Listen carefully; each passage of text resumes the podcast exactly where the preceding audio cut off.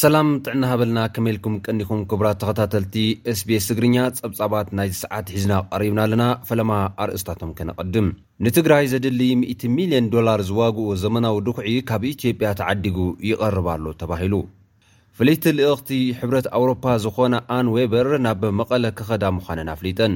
ፍሉይ ልኡኽ ኣሜሪካ ኣብ ቀርኒ ኣፍሪካ ማይክ ሃመር ብወገኖም ምስ መራሕቲ ሰልፍታት ፖለቲካ ተቓውሞ ኢትዮጵያ ተዘራሪቦም ተባሂሉ'ሎ። ሚኒስትሪ ጥዕና ኤርትራ ብክታበት ህጻናት ብዘመዝገቦ ዓወት ከምዝተሸለመ ተገሊጹ። ኢትዮጵያ ካብ ኣርባዕተ ሚእትን ተስዓን ክልተን ቶን ስጋ እዱግ ሽዱሽተ ሚእቲ ሽሕ ዶላር ኣታዊ ከም ዝረኸበት ተሓቢሩ። ዝብሉን ካልኦትን ጸብጻባት ናይ ሰዓት'ዚ'ዮም። ናብ ዝርዝራቶም ክንሓልፍ ምሳና ጽንሑ። ንትግራይ ዘድሊ ሓደ ሚእቲ ሚልዮን ዶላር ዝዋግኡ ዘመናዊ ድኹዒ ካብ ኢትዮጵያ ተዓዲጉ ይቐርብ ኣሎ ተባሂሉ። ሓላፊት ህዝባዊ ርክባት ትካል መግብን ሕርሻን ዓለም ፋኦ ትዝታ ሃይለመስቀል፣ ዛጊድ ኣስታት ሓሙሽተ ሽሕ ሜትሪክ ቶን ወይ ሓምሳ ሽሕ ኩንታል ድኹዒ ኣብ ትግራይ ከምዝበፅሐን ካልእ ሓደ ሽሕን ሽዱሽተ ሚእትን ሜትሪክ ቶን ድማ ብጉዕዞ ከምዘሎን ተዛሪበን። እቲ ቀረብ ድኹዒ፣ ምህርትን ውሕስና መግብን ንምምሕያሽ ዝጠቅም ከምዝኾነ እውን ገሊፀን። እቲ ቀረብ ፋኦ ምስ ካልኦት መዳርግቲ ኣካላት ኮይኖም የብፅሕዎ ከምዘለዉ እውን ሓቢረን ኣለዋ። ፋኦ ምስ ዩኤስኤይድ፣ ትካል ተራድኦን ልምዓትን ስዊዝን፣ ፍሬንችን ብምትሕብባር ኣብ ቀረባ እዋን ዓሰርተ ክልተ ሽሕ ሜትሪክ ቶን ማለት ሚእትን ዕስራን ሽሕ ኩንታል ተወሳኺ ዘበናዊ ድኹዒ ኣብ ዕድጊት ከምዝርከብ እውን ወሲኸን ኣረዲኤን።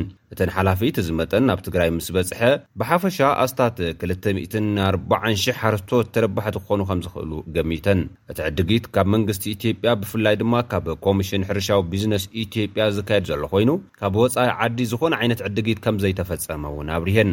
መንግስቲ ኢትዮጵያ ብፍላይ ድማ ኮሚሽን ምሕደራ ሃገራዊ ስግኣት ኢትዮጵያ እቲ ድኹዒ ናብ ክልል ትግራይ ንክበፅሕ ከም ዝገብር ዘሎ እውን ምግላፀን ፀብፃብ ቢቢሲ የረድእ። ፕረዚደንት ትግራይ ዶክተር ደብረፅዮን ገብረሚካኤል ዝሓለፈ ሰሙን ኣብ ዝሃቦ ጋዜጣዊ መግለፂ ዝተወሰነ ዘበናዊ ድኹዒ ናብ መቐለ ክኣቱ ጀሚሩ ከም ዘሎ ብምሕባር ብሓፈሻ ኣርብዓ ሚኢታዊት ጠለብ ዘመናዊ ድኹዒ እቲ ክልል ብድጋፍ ፋኦ ኣቢሉ ክኣቱ ከምዝጀመረን እቲ ዝተረፈ ድማ ብባህላዊ ድኹዒ ንምጥቃም ፃዕርታት ይግበር ከምዘሎን ኣብሪሆም እዮም።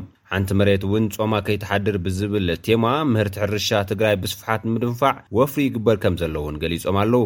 ኣብቲ ተፋሪቑ ዘሎ ናይ ሎም ዘበን ክራማት ዝሓሸ ዝናብ ክህሉ ትፅቢት ከምዝግበር ትካል ሜትሮሎጂ ትግራይ ዝተንበየ ኮይኑ ዶክተር ደብረፅዮን ገብረሚካኤል እውን ኣብ መግለፂኦም ደሓን ዝበሃል ክራማት ኣብ ትግራይ ከምዘሎ ኣንፀባሪቖም ኣለዉ። ፋኦን መዳርግቱን ነቲ ካብ መንግስቲ ኢትዮጵያ ዝግዛእ ዘሎ ድኹዒ ብቕልጡፍ ንምቕራብ ኣስታት ሚእቲ ሚልዮን ዶላር ከምዘድልዮም ዓለማዊ ፃውዒት ገይሮም ምንባሮም እውን ፀብፃባት የረድኡ። ፍልይቲ ልእኽቲ ሕብረት ኣውሮፓ ዝኾና ኣን ዌቤር ናብ መቐለ ክኸዳ ምዃነን ኣፍሊጠን።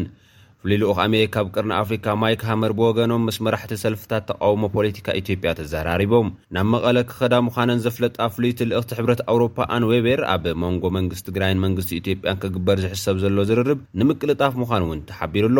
ኣብዚ እዋን ኣብ ኣዲስ ኣበባ ዝርከባ እተን ፍልይቲ ልእኽቲ ኣብ ትግራይ ካብ ዝዕፆ ሓደ ዓመት ኣሕሊፉ ዘሎ መሰረታዊ ግልጋሎታት ክኽፈት ምስ ዘመዚ መንግስቲ ኢትዮጵያ ከምተዘራረባ እውን ተሰሚዑ። ንመቐለ ክገሻ መደብ ዝሓዛ ኮይነን ካልኦት ምዕራባውያን ዲፕሎማሰኛታት እውን ክገሹ ምዃኖም እዩ መንግስቲ ኢትዮጵያ ኣብዚ ቅንያት ገሊጹ ዘሎ።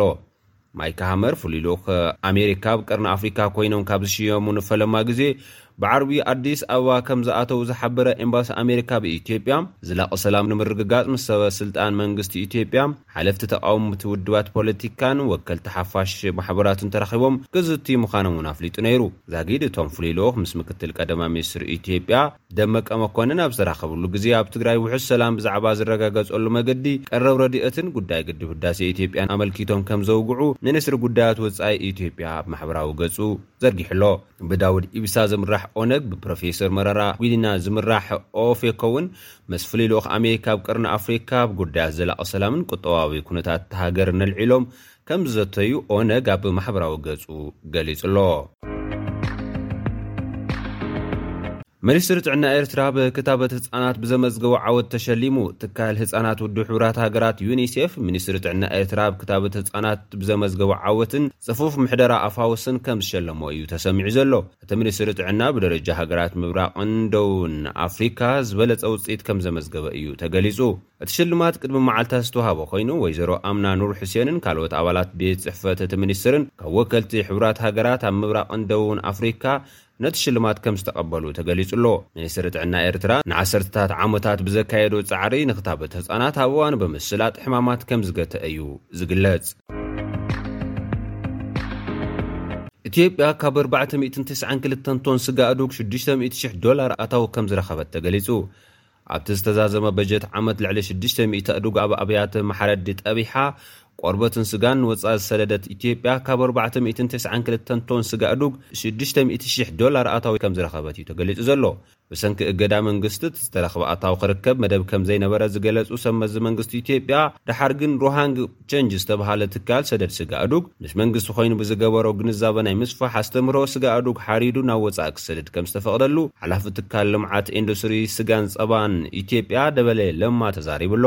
ኣቶ ደበሌ ንጋዜጣ ሪፖርተር ኣብ ዝሃቦ መብርሂ፣ ንተቐዲሙ ዝነበረ ቅሬታ ህዝቢ ንምፍታሕ ዝተውሃበ ግንዛበ ናይ ምጭባጥ ስራሕ፣ ህዝቢ ካብ ማሕረድ ደእዱግ ዝርከብ ዕድል ስራሕን ገንዘብን ክርዳእ ከምዝኸኣለ ኣረዲኡ።